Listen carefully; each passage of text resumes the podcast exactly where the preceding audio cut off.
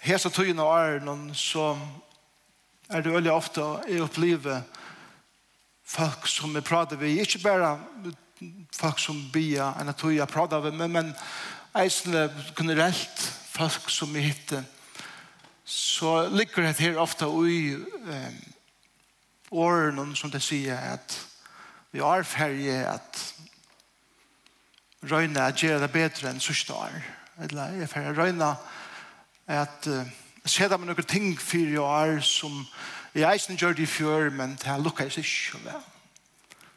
Og jeg vågner at det har lukket seg i år. Og det er nok stått litt, vi, vi har alltid nekken og utrettet greinen, så, så vekser til av lovtakeren, og den nekken som tog inn år. og da så kom vi ut i marsmåned og aprilmåned, så minket det nye i normalstøtt atter. Og så la seg løyven, Men så er det eisen i ånder som, som sier, jeg vilja, jeg fikk en chans at kjent. Eller, jeg vilja, jeg kunne om ommater.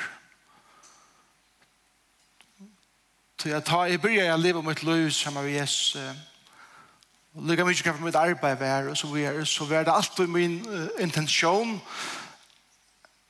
at være et ljøs og være salt for Jesus, og Og på enkla måte er det sykning for mennesker.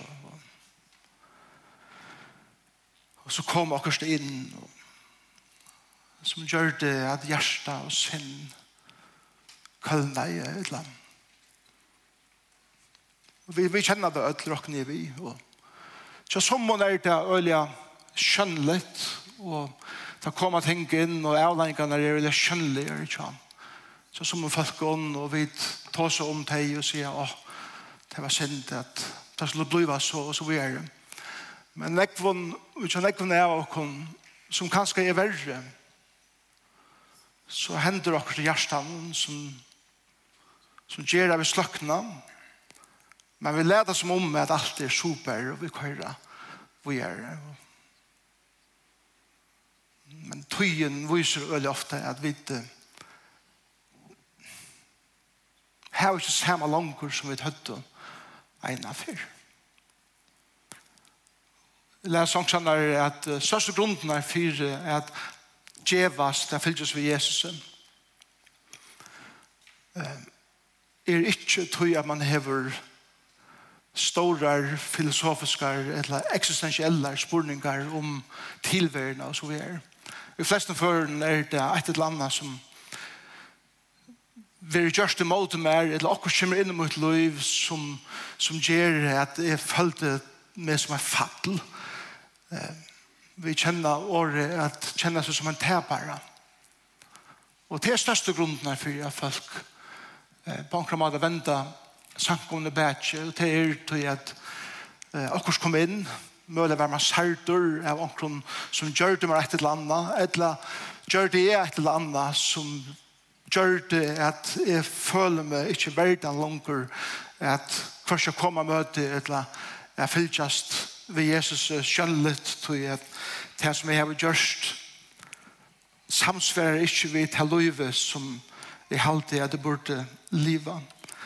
Og man kjenner seg virusleisan, og man kjenner seg hjelparsleisan, og vognleisan, og kanskje etter aller ringaste, og kanskje det største vapnet som Satan hever, og i slukon føren er sjålfordøming.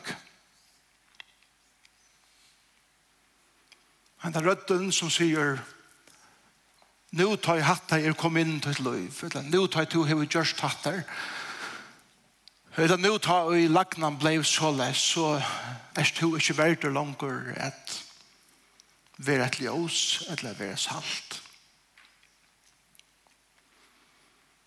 Og jeg vannet av bådskapen i det for at sida vi okkon som vi først er her at det er en nødt byrjan for det. Ikke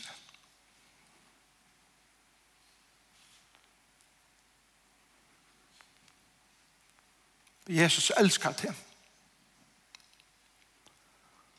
Og lukka mykje hva det kommer inn til liv. Så innskjør Jesus, jeg sier vi til jeg vil alltid ha nødvendig til å. Hun var kanskje ikke lykke som hun var ta i til å begynne i første fyr, eller ære fyr til tredje fyr. Men hun var nødt fra her som to erst i det.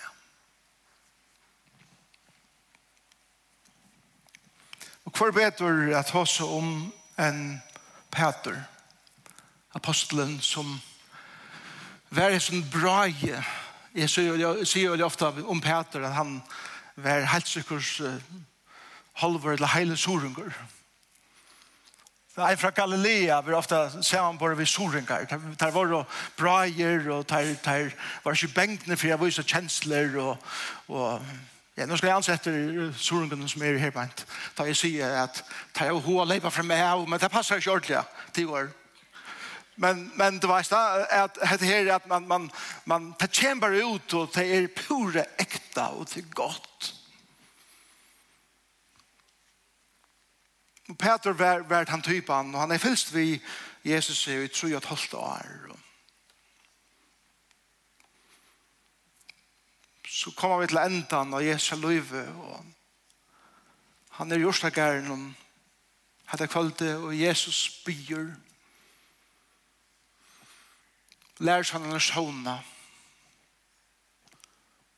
Og så knappelig, og er en leker ordentlig, jeg finner ikke egen opp, så er det akkurat som at her er en fotler herrer av hermannen som kom etter Jesus i tekan, og Peter, den typen som er vær, skal gjøre noe godt, og teker enda kniven, det er ikke et lengsvør, det er en synder stittre, stittre vi vet snakke om folklukkene var før, det var synder større knuver enn det, og han atler er så verja Jesus, og han høgger til høtte av Malkus, og han reger skreft, han reger øyra, og, og Jesus hikker av Peter sier, hva feiler der? Peter heldur han gjerne ordelig godt. Verger Jesus, og Jesus sier, Peter, hva gjørst du? Stinkende knuven slyr han atter, Og teker øyre Markus og sier det da, atter. Sen settene til kvalitet så er Peter og kål eldre enn loar inn i forgæren og knappt det så blir han spurt nekka spurningar. Og særlig er det en kvinna som spyr han spurningen. Det henda kvinna var i familie med Malkus leser jeg. Og han er sikkert ordentlig irritera to erst ein av teimen som fylltes ved Jesus, og Peter kjølt banner på at han ikke kjenner Jesus. Vi kan kanskje ikke banne på at vi ikke kjenner Jesus, og i imenskene omstående og løyve. Men en gang så er mine tankar så løs. Og i avvisen omstående mine løyve, tar jeg stande fremme for jeg kan avvisen som jeg vet kritiskur, det skeptiskur, at det har vi hoa gøyma en synder, og det som kommer inn beina vatten at det er et eller annet slag av kjølfordøming Og ta Jesus er i sin opphatter, så er vi oppe i Galilea nu atter, og Her er fann ut av fiska, og teir har ikke finnet til nattene. Og Jesus, som stender inne og av sondene, råper ut til baten og spyr, hvordan hvordan gongst det at hva fanget det og tar for ikke. Og Peter oppdager så at det er Jesus som er sånn at Johannes sier det vi han. Han løper opp laman og han forrenner det inn til Jesus. Og så er det der, og så er det det er her fantastiske som hender i vers 15 i Johannes 21 som vi skal lese for dere. Johannes 21 og til fra vers 15. Ta og i teir høyde ete, sier Jesus ved Simon Peter, Simon, sonur Johannes, elskar du meg. Han sverar i honom, jeg herre, til veist, ja, de her var det kæren. Da sier han vi han, følg lampen min. til sier han, vi han, ære for Simon, son er Johannes, elskar du meg. Han sverar jo honom, ja herre, til verst, at jeg hevet kæren. Da sier vi han, vi er hyre til Simon. Han sier tre for vi han. Simon, son av Johannes, hevet henne kæren. Peter var tungur, da han tre for sier vi han, hevet henne kæren. Hevet Og han sier vi han, herre, du verst alt. Du verst at jeg har til kæren. Da sier Jesus vi ham, fø Simon. Fø Simon. Jeg har talt hans talene før, men jeg får tale talene i det fra en øren vinkle. Hvis du har hørt henne talene, så er det nok sånn der heimasynet, samme tekster. Og ofta spyr man hentar spurningen, hva sier Jesus trutja fer vi Peter, Peter elskar du meg? Og tid har sikkert hørt nekva taler om hendan teksten, og man huksar, eller man høyre omkring taler omkring sier, jo, jo, altså, Jesus spyr, hette trutja fer til at Peter er nok Jesus trutja fer. Så nu er det akkur som at han Jesus nästan hävner trutcha för atter att det fyra Peter är någon med trutcha för så ska det trutcha för eisne ge ge till för skom och framme för öll hin som stande här bant och jag vet själv där hur tid fylls vi Jesus men hur i munnen är den fylls vi Jesus vet jag att det är Jesus. Han är inte så han nämner ikke et år om det som er hent. Ikke et år. Han, han regner ikke at akkurat som at jeg skal, jeg skal båre dette inn i, i, i salen og alt der, fremme for øtlen hesen. Så han sa, øtl suttje, og ha vite unga til å gjøre det mot dem er, og så, så skal du få det atter. Jesus er ikke så leis. Det vet jeg vet. Han hever et nekst større hjerte for det her, og for mer, enn at gjøre atter så min spørning er hva er trutja fer og og i først kunne vi færa så lengt den teksten at vi, vi får alt mulig snedburser ut og og jeg heldig at hva er trutja fer og det som er kommet til er tog at det er viktig for Jesus at vita og få stafest at Peter elskar seg. Og, og, og her slår legger kristologi til suyes, Jesus, det er at ja, men jeg vet at Jesus vet alt, og han vet at det er langt og sånn, ikke? men Jesus var et menneske i fotlund kjenslen. Jesus innskjør for å vite at han spyr spørningen til viktig for Jesus. Til han hikker ned egen av Peter, og sier Peter, elskar du meg? Vi kan også illustrere at vi til dømes da jeg kom i og fra akkurat mine ferien,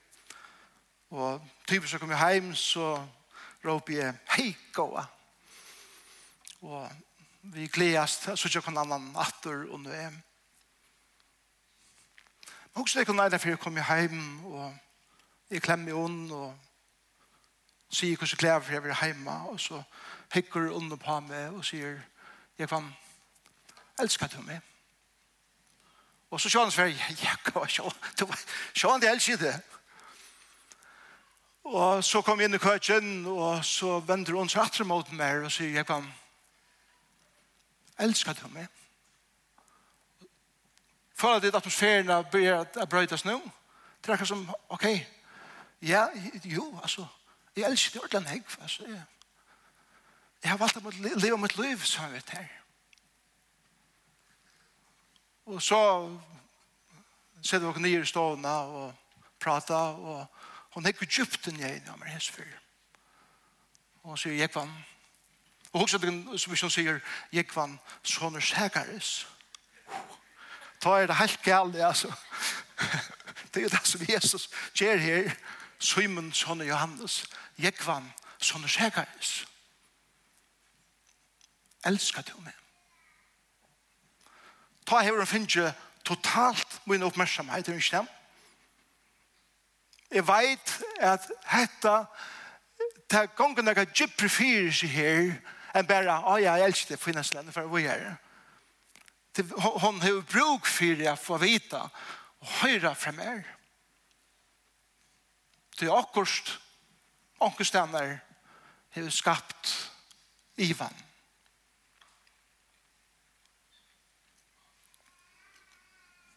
Det er det som kommer fyrir seg her. Jesus er ikke for å vite og høyre han sier vi har det kære. Så kunne vi spela vi sjorden, jeg skal ikke komme til, jeg gjør til hinner talene, at Jesus brukar året agape, og, og Peter brukar året filet, og, og så videre, og, og så, så det er akkurat som at uh, tre fyr, så brukar Jesus som årene som Peter brukar, Peter fileo til meg, altså fileo av är er en familiekarleik, agape er en oavmarskar karleik, Og så er det noen taler som sier, altså, lakkar Jesus barna eller lakkar han standarden for, eh, for karlæka. Vi hadde vi kjenne Jesus mycket vel eisene, at svär her eisene er, nei, Han lakkar ikke standarden for karlægan som han vantar at hun hever til han og som han hever til tøyen. Men hva gjør Jesus? Jeg har det som Jesus gjør her til at han møter Peter her som han er. Jesus røyder omgå du i alt nøya til og et annet sted enn her som du erst. Han bryr henne for vi vet her som du erst og her som er for jeg leier det til et annet sted. Er det vi? Jesus sier vi Peter, jeg vil gjerne møte deg her som du erst. Og så får vi bare genka sammen hvor jeg er nå, for jeg vet ikke. Og Peter sier, ja, vi får genka hvor er sammen. Jeg fortalte dere hva var hent. Og vi det ta i hendene kjenslen av at vi er en tapar kommer inn. Man føler seg som man tapar av og man føler at alt er færre. Det er ikke mulig ikke for mer langer og så videre. Så, så kommer det her inn som, som Peter uh, gjør det i den første versen i Johans 21. Det er ikke så jeg leser alt, men det som vi leser her er til at her kommer det opp til Galilea og nøvnene av noen lærersvann vil være nevnt. Thomas er ikke nevnt, det tar seg om Thomas sørste sundet. Um, Og Peter sier vi hinner i fredag fiska.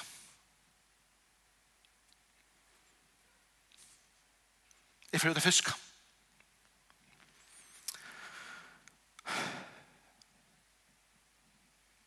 sjåfordøming gjør det jeg vil føle. at Jeg kan ikke holde å gjøre det som jeg gjør. Jeg må bare fatle atter og et eller annet som jeg kjenner. Peter var fiskemøver, og han sier, jeg får bare gjøre det som jeg gjør det før. Jeg får bare atter til det gamla og i min liv. Er det det som han sier, et eller annet, anker helter, at, at kanskje Peter tar av fylls ved Jesus i tro og et halvt år, og det har vært streve, det har vært tungt, det har vært mågång, så nå er Jesus deier, ja, han er oppreistur, men det har vi ikke ordentlig, han trappar opp knapplig, og så pff, er det vekkator, og, og at han forvirrer seg her, og, og, og i øklen romsterelsen er at han har, eller har av nok av Jesus, så, så er det akkurat som at onker heldur at han sier, vi har brug for pause enn det. Jeg heldur heldur at det er det. Men det passar at vi har bruk for pauser vi først. Vi har bruk for kvila vi først. Bæje og jokra arbeid og jokra seg for herran. Vi har bruk for å komme på så fra vi først. Så, så teksten sier ikke, jeg vet ikke må gjøre det. Jesus gjør det til selv. Og jeg har alltid sier det, vi tykker nesten sørste sånn det, at vi er kvile. Ikke være så involveret i at vi brenner ut. Andal av løyver er maraton, ikke 100 meter sprint. Og jeg hørte en av en talere fortelle en søve om dette her at ja, vi må ikke ta ferie som sikvante. Tøy at som jeg vil sier vi hentet taleren som nå er valgt til ferie av ferie. To av ferie. Satan teker ikke noen ferie. Og hvis en taleren sverer og sier ja, det er godt ferie, men Satan har omgått vært med fyrdom. Ja. Satan har ångat vid min firmynd. Men her er det gypretid. Her er det Peter som sier, jeg er ikke verdt langer å gjøre det som jeg har gjort. Og jeg får bare gjøre gjøre det som jeg kjenner og glunter i løyvene. Og Ta vi lesa teksten i Johannes 21, så leser vi om dette ondre. At ta Jesus har røpt til der, få din ega og tar svære nei. Så, så, sier, så sier Jesus vitt der, prøv å kaste ut hine meg inn. Hoks det kan en langkrabbe sier det her ved garva jeg sjåmen. Ja, akkurat som, kaste, kaste ut hine, ta, ta vidt enn ikke at det er Jesus. Og som anker sier at Thomas, han var kurser i hva det. og tar kastet og tiner meg inn, og gøttene er full i fisken. Og det første som kommer mer i hod, tar jeg lese, hette undre er, ah, hette undre er hent avur. Hette er et intentionellt under. Og til leser vi om i Lukas 5. Og vi har heller ikke stått å lese fra til teksten i morgen, men Lukas 5 er ta og Jesus kommer, og han taler for eh, mongtene av folket som, som vi høre han.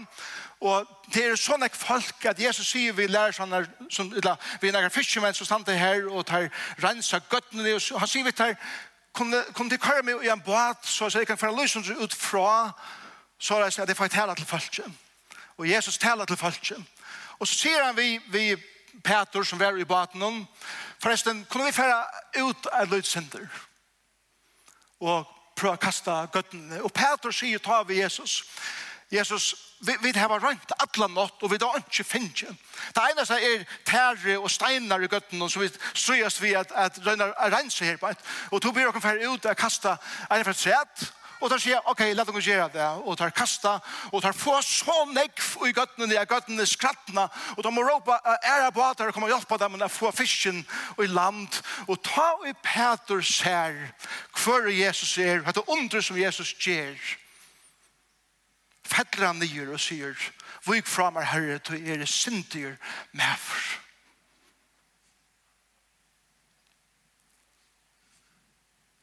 Og ta sier Jesus vi ham, Peter, du er fiskemæver. Men jeg skal eisen gjøre til mennesker fiskere. Fylg mer. Og fra tog ideen om byer i Peter er fylgjøs ved Jesus. Nå tror jeg at halvt år setten er Jesus akkurat det samme undre. Og spørningen som jeg spør er kvøy. Kvøy det samme undre. Og jeg halde at det er lykjelen til å byrja av nødgjønn og til det at Jesus teker til atter og atter til til løtene. For han er førsten tog kattleie til.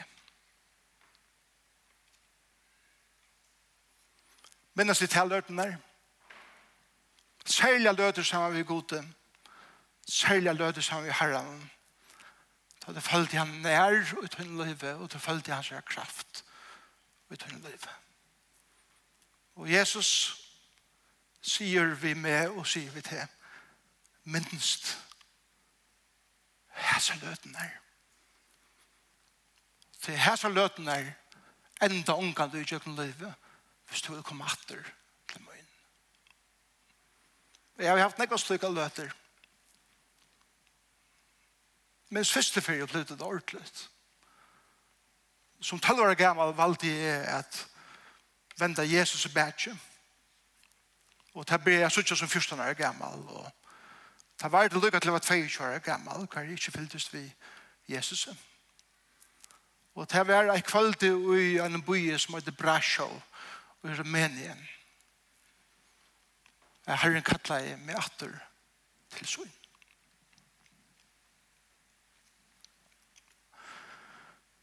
Og men kan være jeg tidsen atter til, til løtene vi sønnsene til kveldet, da jeg gav herren om mitt liv, jeg er nødt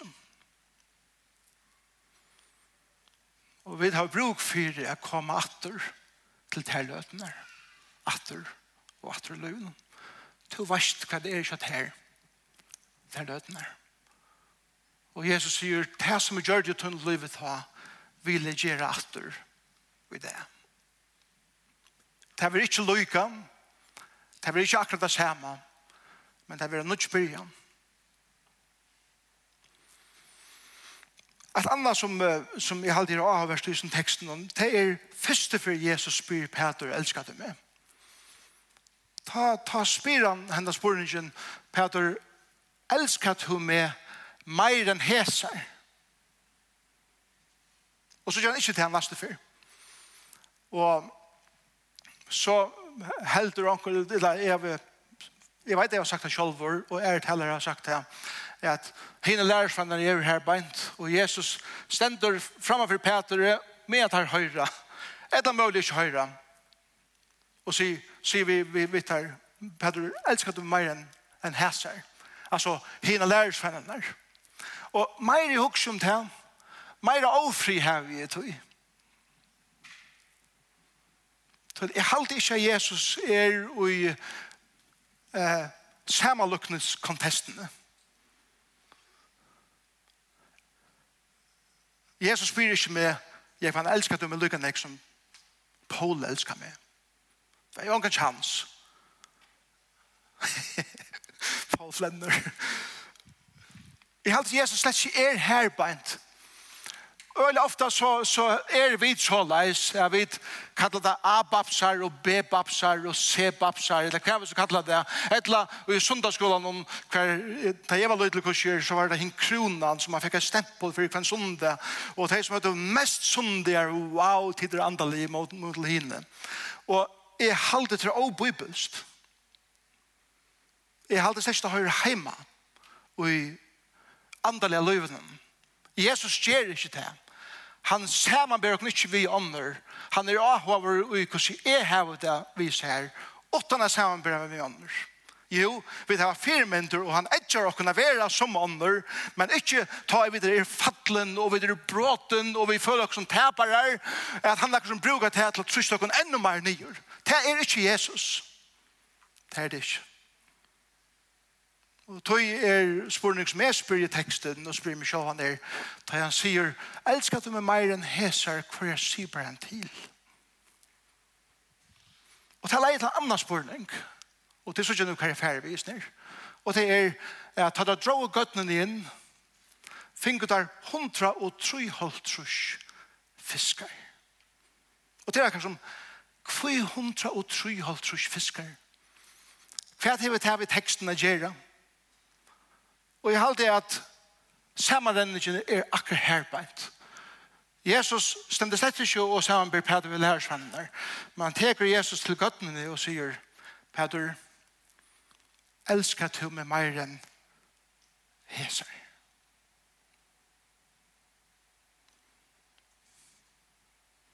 Elsker du med mer enn fiskar.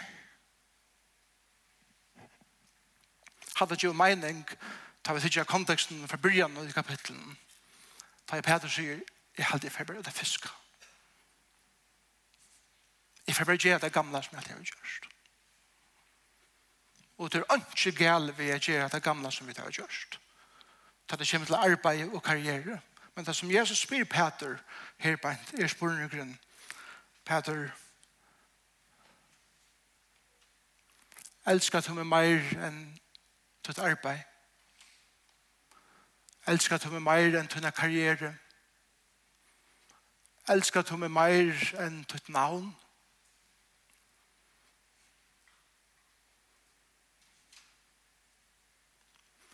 Etla er jeg færna trom.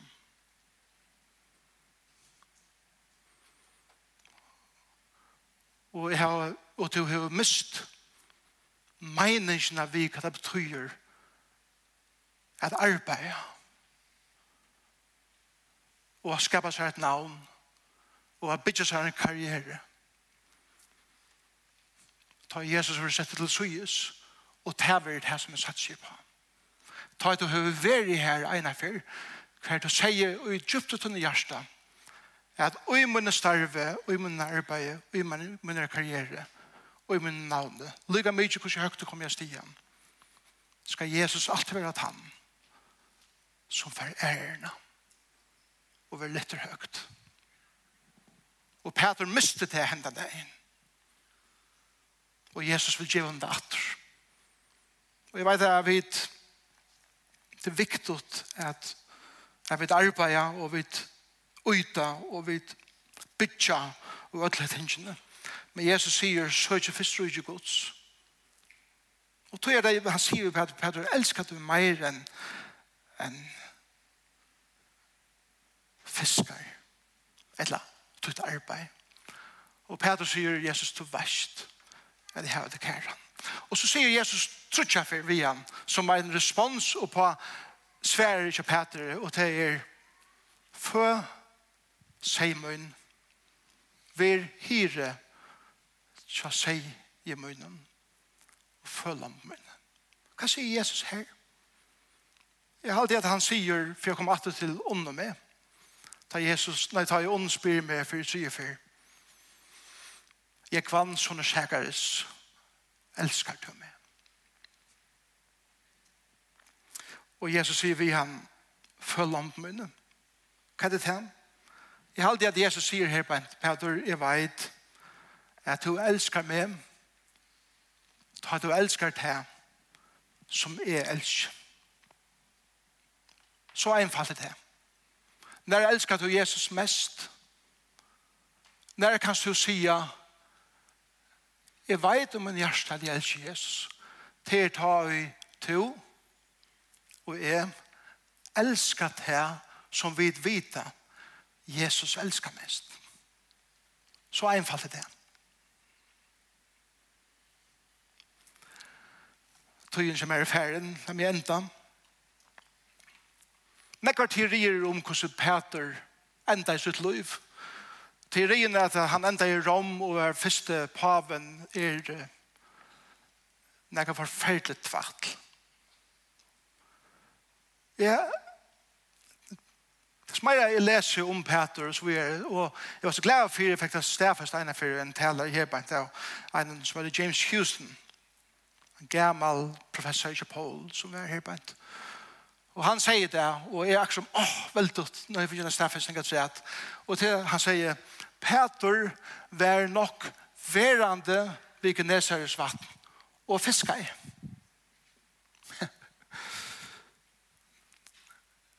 Lærersvenner for om atlan heimen. Peter var nok han som var verande ved kunne vatten og fiska i. Peter var gifter. Han er en kone som han var heima og, og tog seg av og, og levde som han vi.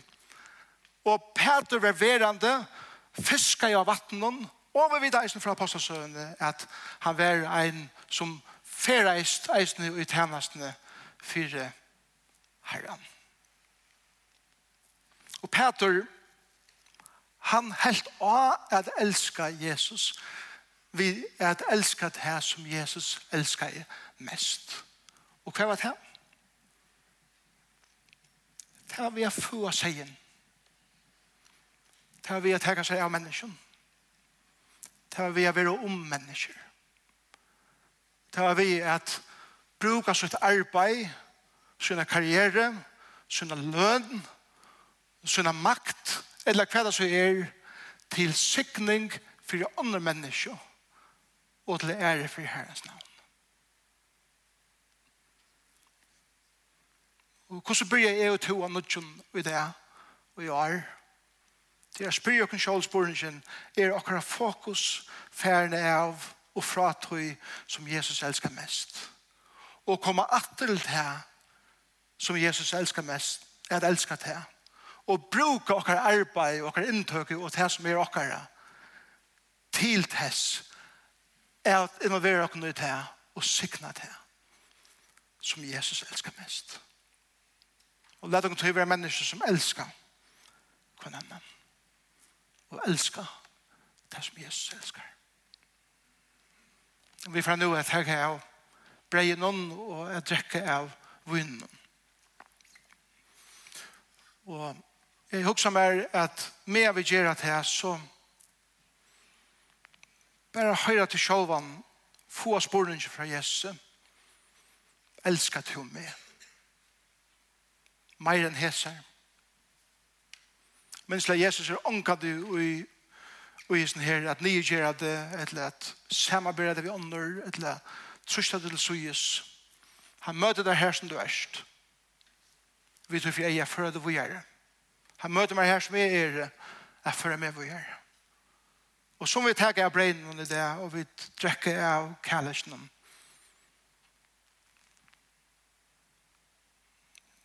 og hjertet om jeg svære spørningen noen ærlige. Og sier vi Jesus, takk for at du er det. Gjør mer enn nødvendig byrjan. Jeg fyllt oss ut her. Jeg skulle be sammen. Takk Jesus for at du alltid gjør noen nødvendig byrjan vi kjenner vel kjenslene av at føle oss som tapere, fotlen, virus, leis, fordøme oss selv. Og til som er beint inn i disse situasjonene, jeg minner oss av er første kall. Og byr oss komme atter her til. Og ta i fokus i ferie av til her, til å gjøre det som vi annars stod best, er at festa fokus atter.